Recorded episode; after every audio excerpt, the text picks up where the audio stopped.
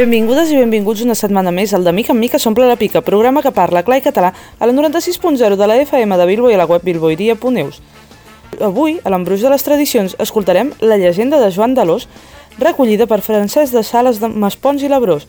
I per finalitzar el programa, en Marcel ens amenitzarà amb el nou disc infantil de Zo, Zo Il·lustrat. Sense més preàmbuls, comencem amb el programa d'avui.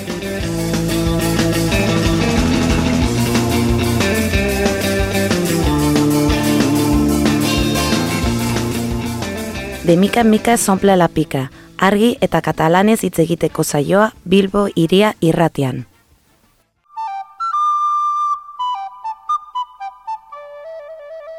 L'embruix de les tradicions, amb el Ball Morell.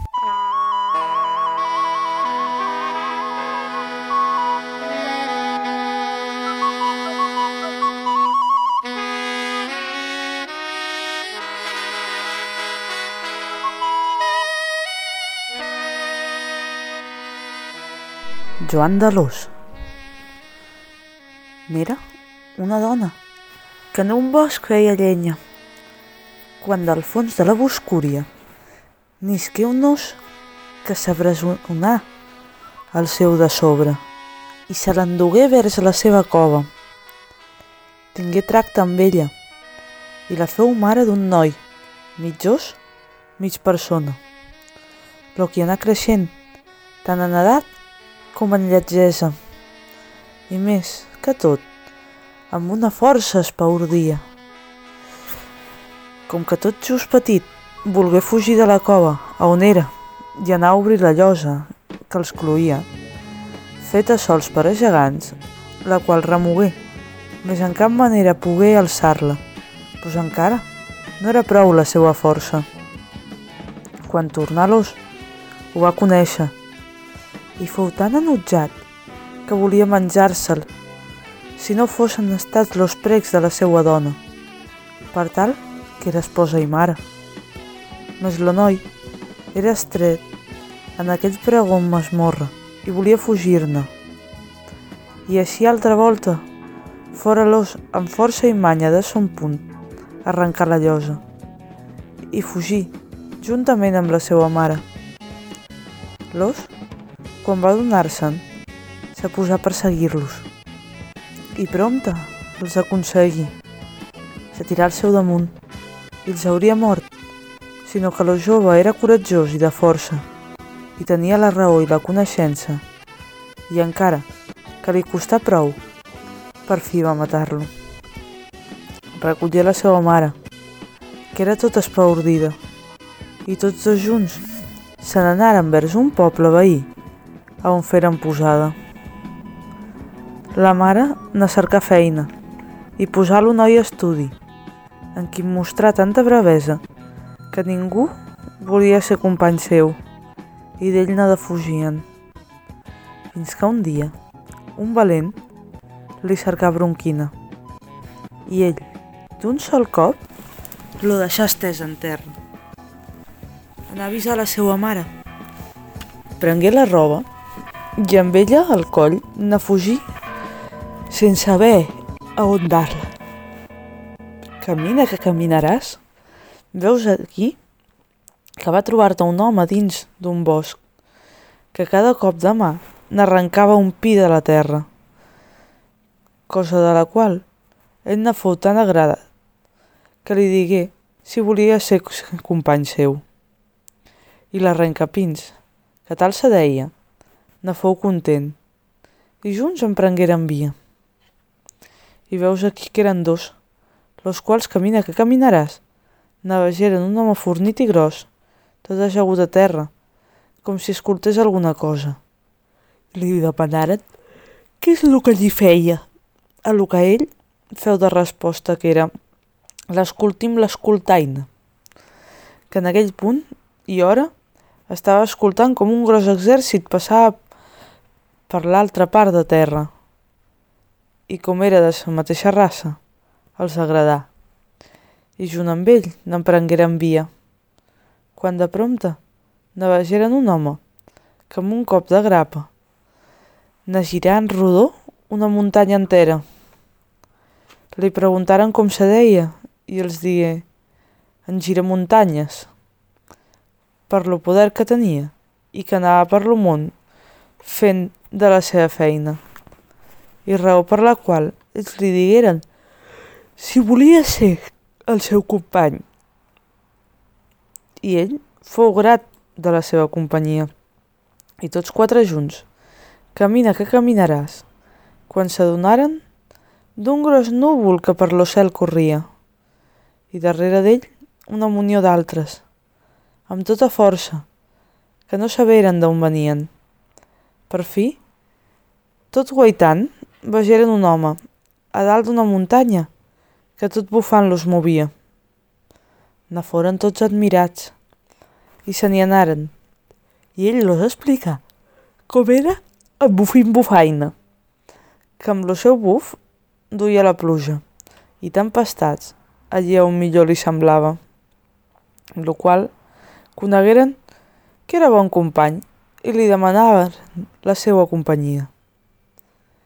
Tots cinc així plegats ne feren de grandeses, que tothom tenien admirat i lo molt movien, fins que un dia arribaren a casa del pagès, a quin l'amo, havent-ne temesa, deslliberar lo desfer-se d'ells.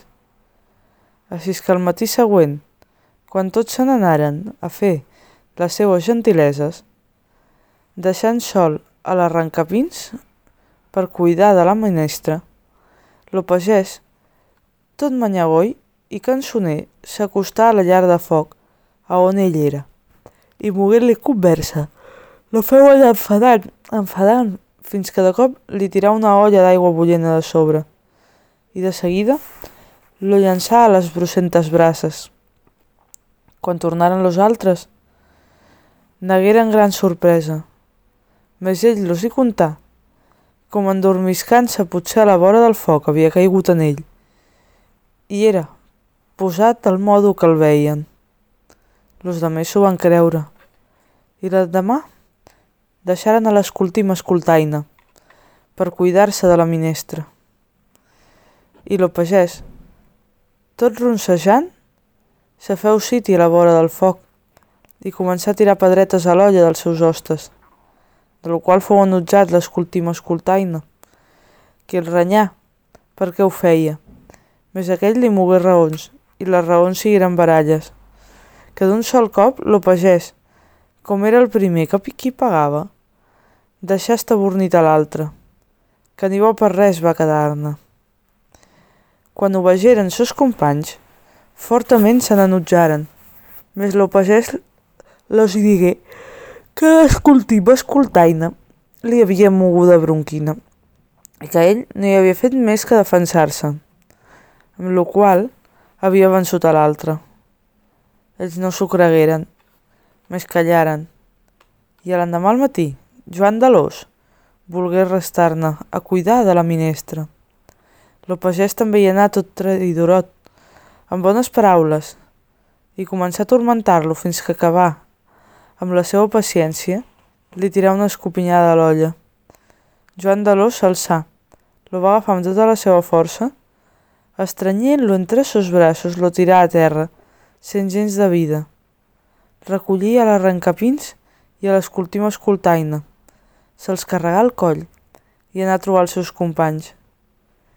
Determinaren tots junts lo separar-se, a fi que no se'ls pogués atrapar per la justícia rigorosa, que de segur lo cercaria quan sapigués la mort d'aquella. I se separaren. I Joan de l'Os anà caminant, caminant, fins que, que en vegeu un hermós palau, que hi va entrar-hi, i en Loquin tot eren cambres molt ben aparellades, amb catifes d'or i seda. Més enlloc, anima viventa si no és al cap d'una estona que se li aparegué una mà blanca i hermosa que enduia un atxa. I la quina va guiar-lo pels corredors i sales a una cambra a on hi era una taula tota plena de viandes. Joan de l'Os no gosava, més a la fi hi feu bon servei.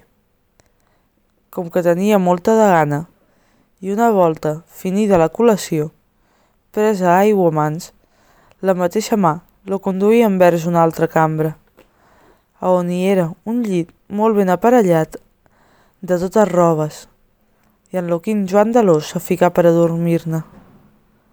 Quan veus aquí? Que al cap d'un vell instant que hi era, cent passos per la destensa, los quals s'anaven acostant a poc a poc en lo llit a on era, fins que fou alçada la cobertora que el cobria i se l'entrà dins una altra persona, que ell no podia pensar qui era. Més per los sospirs, conegué que era una dona, i no es mogué gens ni mica, esperant que fos adormida. I quan ho fou, s'adreçà un poc, n'encengué una candela i es mostrà de sobte a sos ulls la més gentil i hermosa dama que mai n'hagués vist en la terra, a la qual ell mai se cansava de mirar-la. Tant que tot en va delit li caigué una gota de cera a l'hospits d'ella, que es despertà i amb tota vergonya li digué a Joan de l'Os com era que havia volguda veure-la, que d'aquella feta n'eren tots dos ben perduts i que no tenia altre remei que matar-ne, si podia, a lo negre, lo seu guardià, que la tenia encantada.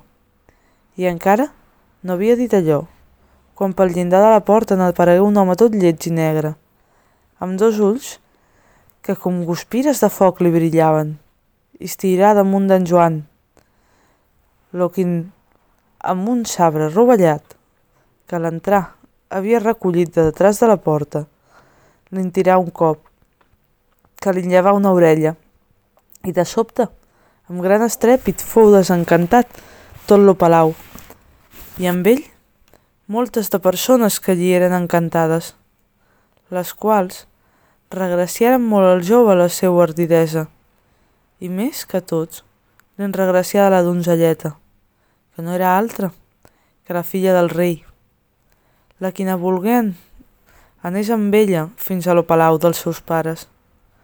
Pues molt se n'alegrarien de conèixer qui l'havia salvada.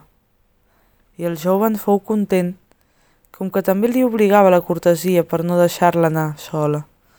I tots feren camí fins a deixar sorpresos de goig i ditxa a los seus pares, que ja la tenien per morta.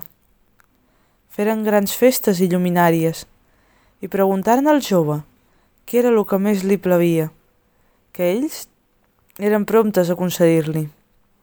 Més com en Joan, demanàs la mà de la princesa, perquè molt li agradava. Los pares negueren fort enuig, car era mig os, mig persona. Més la noia li era reconeguda, i li digué que no hagués tristesa que ella li donaria medi per a guanyar-la, que era una pinya d'or, exactament igual a l'altra que ella guardava, la qual seria la prenda que exigiria per escollir-ne el jove amb qui casar-se. I anar als seus pares i els digué que no se'n maridaria amb ningú, més sinó amb aquell que presentàs una pinya d'or exactament igual a la que s'ensenyava.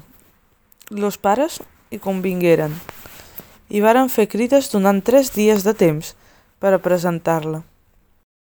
I acudiren tots els argenters del regne, més que els presentà també amb admiració de tothom, fou Joan de l'Os, a qui lo rei, si per cas, feu tancant una estança perquè no s'ho fes fer per altra persona, posant-hi lo menjar necessari per a que ningú tingués que ficar-s'hi i miràvem pel pany de la clau per a veure el que feia.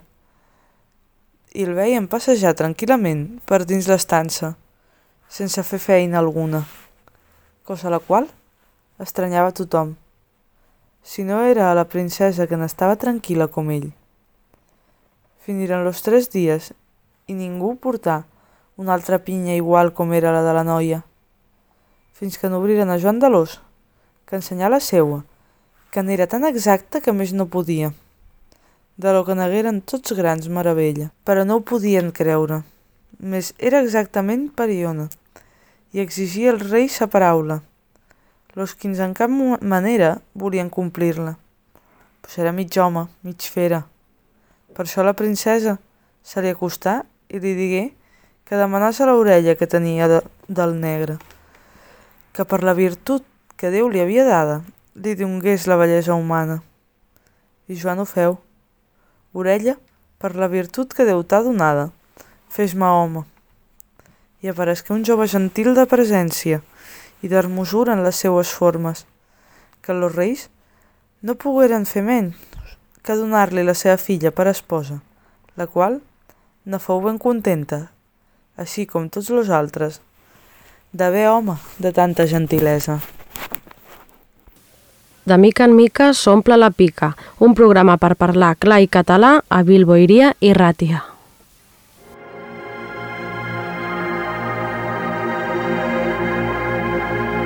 Denominació d'origen amb Marcel Pena.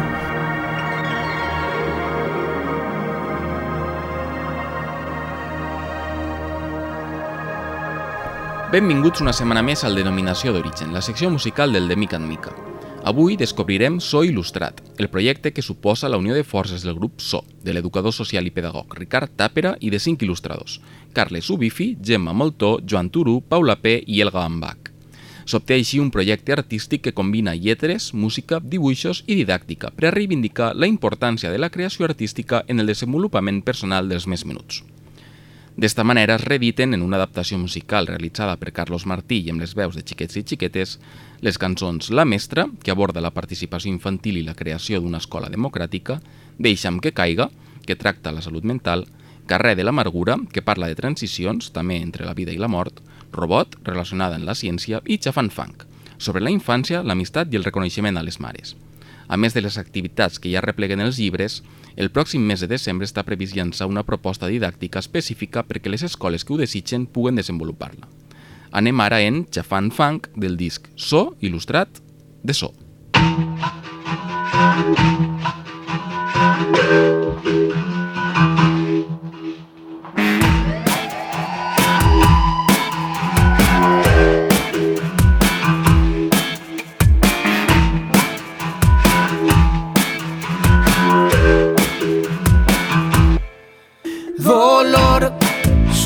de passes. Diuen que viu en descontrol. Plora d'alegria, riu quan no deuria. Viu amagat baix els llençols Temors ressonen frases. Fantasmes parlen al subsol. Monstres d'un món interior inabastable. En realitat mai ha estat sol. El nord, vaig perdre el nord, si el perde no deixa que caiga. Qui sap on va, qui sap què vol, camí del sud perdent el nord, el nord, el nord, el nord.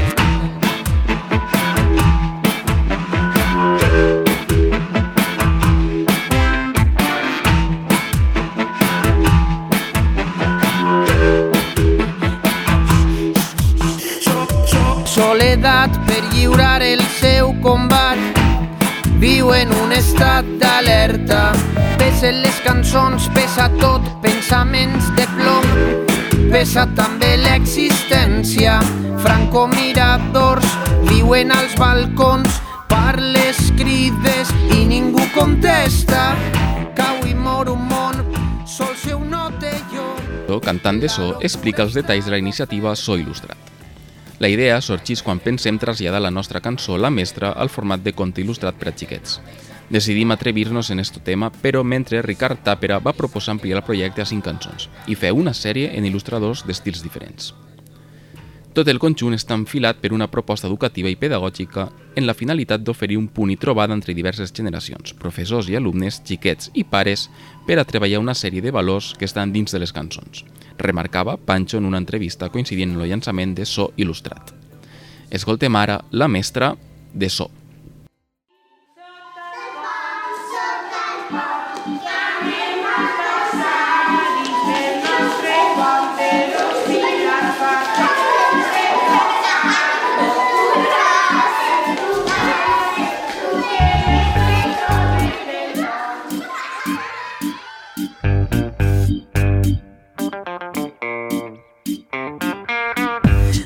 Dos són quatre, quatre i dos són sis. Escola arreglada i frustrada.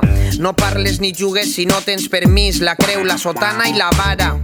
Conjuguem presents imperfectes, li restem la X al futur. Castrem a les feres als centres, força de treball del segle XXI. Hem planificat les conductes, no deixem ja marge per la creació. Dibuixem futurs plens de dubtes, ni somnis, ni jocs, ni improvisació. Infàncies al contenidor, 10 hores al dia, un temps que era or. Esclaus d'un estat opressor. Perdona tu pueblo, Señor. Mare, mare, que jo no vull tornar a resar i callar quan ells manen. Pare, pare, jo volia somiar i volar i allà estar en les ales. Contrabandista de més clandestins, escapat del verí.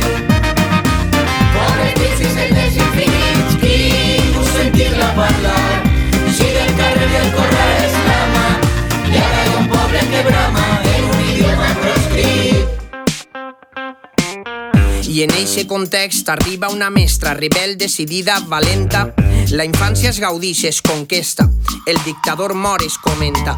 Tenebres s'emporta el difunt, canviem els costums, mort a l'obediència.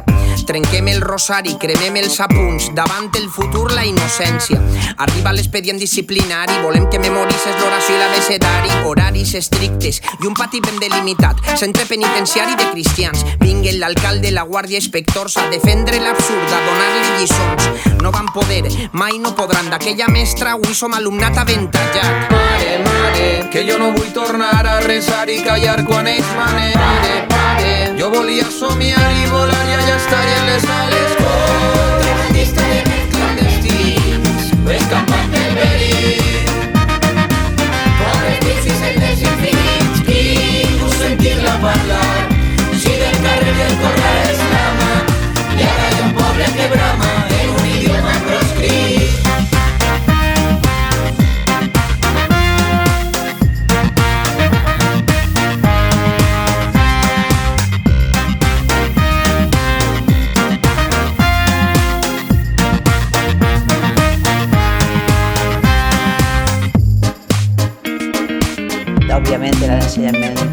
Només en castellà i dins dels criteris del nacional catolicisme. Mestres molt jovenets o inclús alguns estudiants de magisteri es plantegen que volen una escola diferent a la que ells han viscut i una escola diferent a la que es coneix. Contrabandista de verbs clandestins, escampant el verí. Pobles vius i senders infinits, qui ningú sentir-la parlar. Si del carrer i el corral és la mà, i ara hi ha un poble que brama.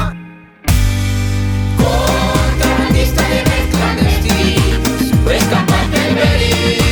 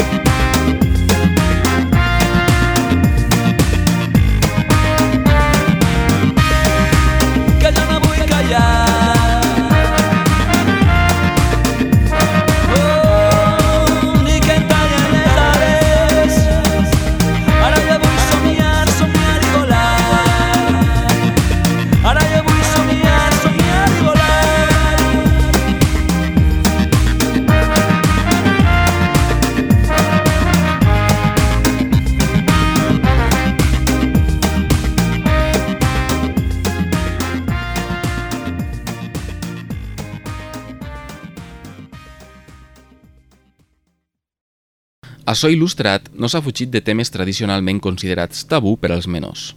Vam tindre ha des del primer moment que no volíem infantilitzar els xiquets. S'ha fet una xicoteta adaptació però no s'eviten temes complicats, apuntava Tàpera. En esta línia, la il·lustradora Elga Ambach subratlla que participar en este projecte és una responsabilitat i una sort, ja que es tracta d'una tasca que partís d'una premissa innovadora i que pot aportar molt a totes les disciplines. Som-hi ara en Robot, del disc So Il·lustrat. Thank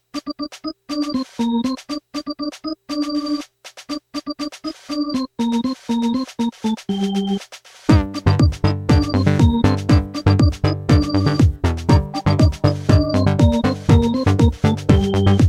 O ha bajado del cielo una nave espacial, aura celestial. Nave sideral pone el pie y hace tierra, ahora crece la hierba. Ha llegado a la tierra una especie brutal, otros parámetros, otra moral, no tropieza dos veces en piedra. Robot no come mierda. Robot rojo se llama, no saber qué es la fe proclama, sufre un cortocircuito en la voz, triste especie la humana, yo no ser Dios, yo portavoz y de Marte, computadora pensante, ondas sensibilizantes, yo sostener esta hoz.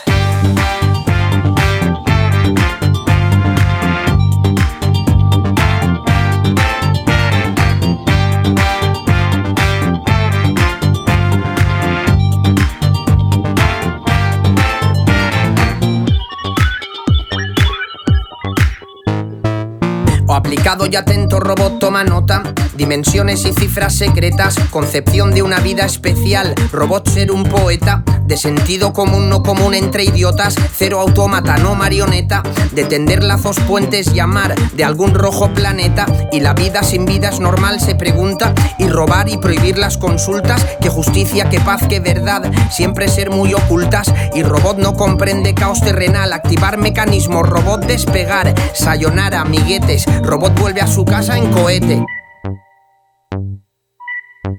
Dejando un rastro de polvo estelar, vuelve a su planeta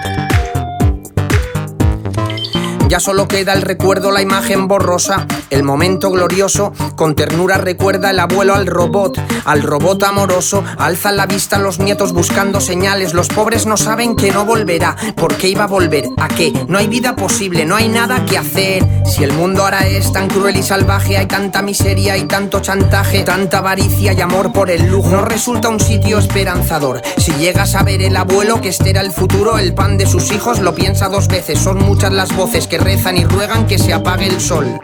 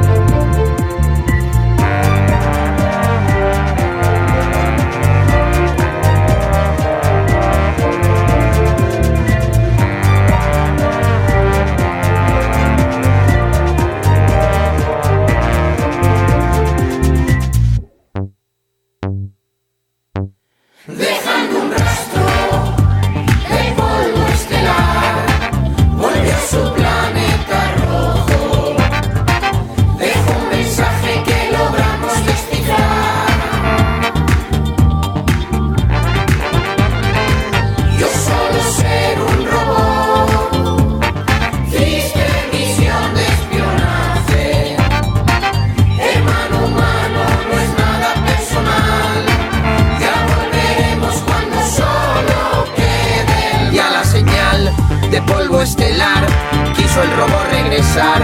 Fe la misión de espionaje, pena total, no es personal. No hay sentimientos, todos podridos por dentro. Ya volverá cuando tú te hayas muerto, solo a llamar y a la señal.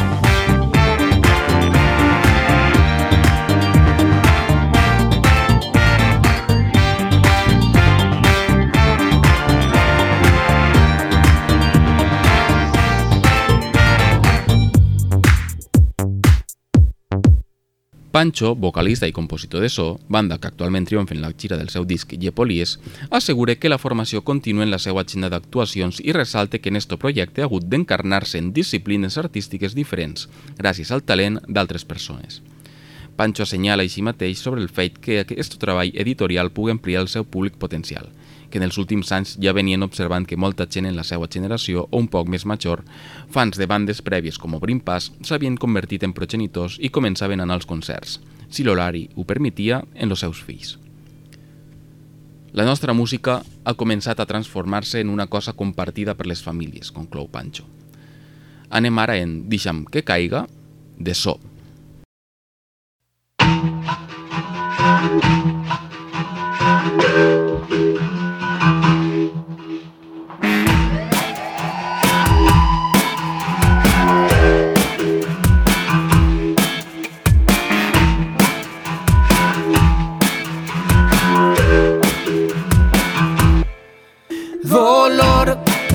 soroll de passes Diuen que viu en descontrol. Plora d'alegria, riu quan no deuria.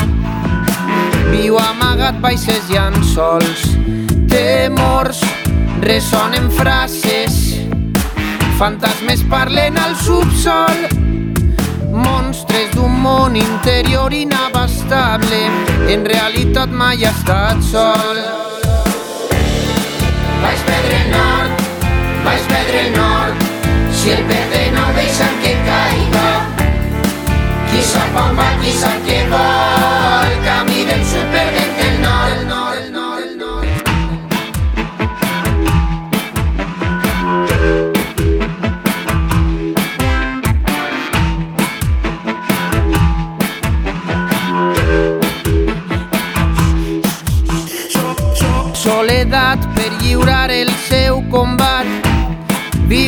estat d'alerta. Pesen les cançons, pesa tot, pensaments de plom. Pesa també l'existència. Francomiradors viuen als balcons Parles, crides i ningú contesta. Cau i mor un món, sol seu no té jo La locura està d'oferta. Baix Pedre Nord, Baix Pedre Nord, si el Pedre sap on va, qui sap què vol, el camí del sud perdent el nord, el nord, el nord, el nord.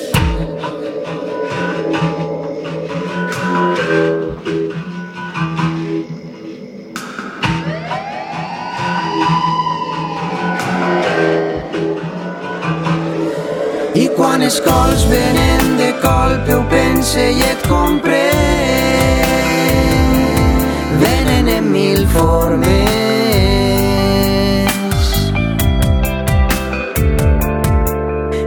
es mou i tot és fosc i els monstres volen més Venen en mil formes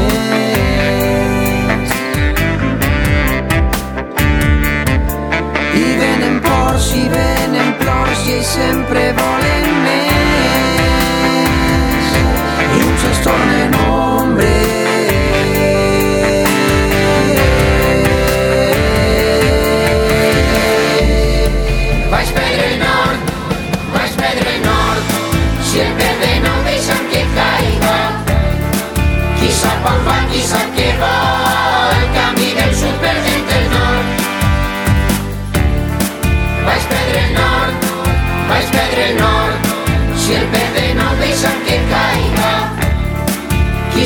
Sap on va, qui sap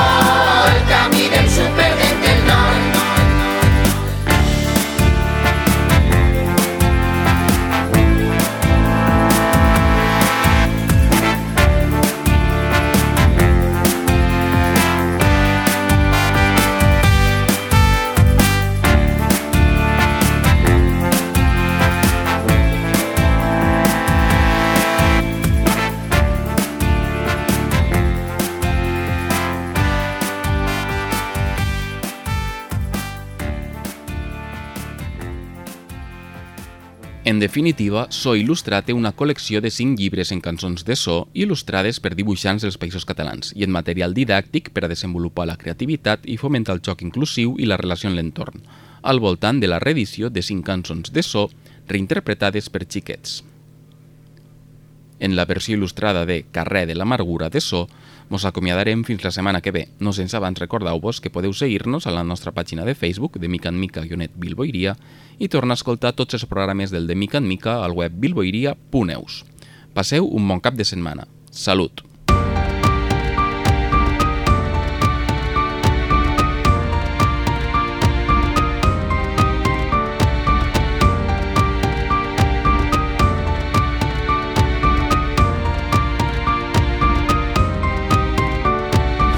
Reixa, València, juliol, quina vida. Últim examen, primer raig de sol. Porta les mans arrapades i brutes. Tot el dolor de la vinya, rinyons. Creu a la pista de silla migdia. Sona l'herència, li cau la suor. Mira l'arròs, la ribera que brilla. Tira per dins a la cant interior.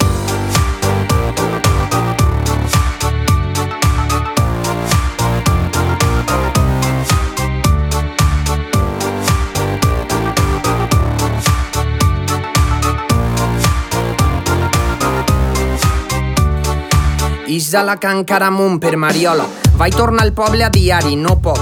Amb el lloguer i amb la feina ja sola. Cuina el sopar de sa mare, no vol. Que ningú sàpia que cobra per hora. Condescendències les justes. Amor, tot el que té pel seu fill que diu hola. Des del seu ventre batega el seu cor. Però el rellotge s'atura allà dalt i es mesclen la locura,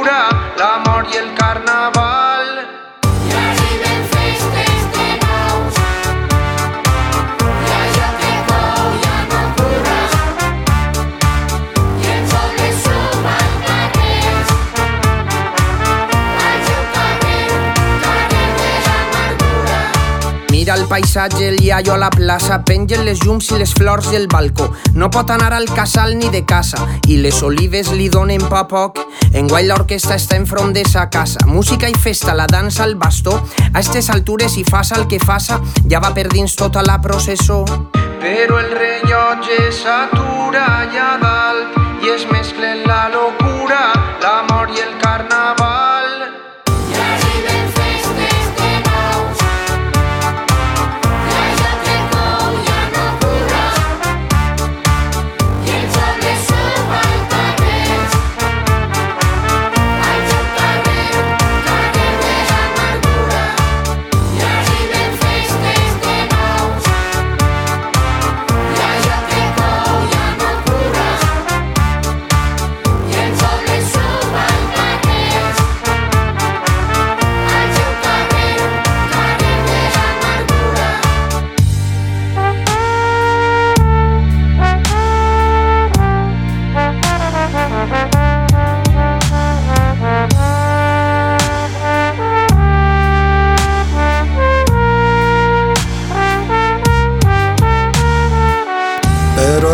rellotge s'atura allà dalt i una altra criatura comença una aventura i el iaio sap que s'acosta al final i es mesclen la locura, l'amor i el carnaval.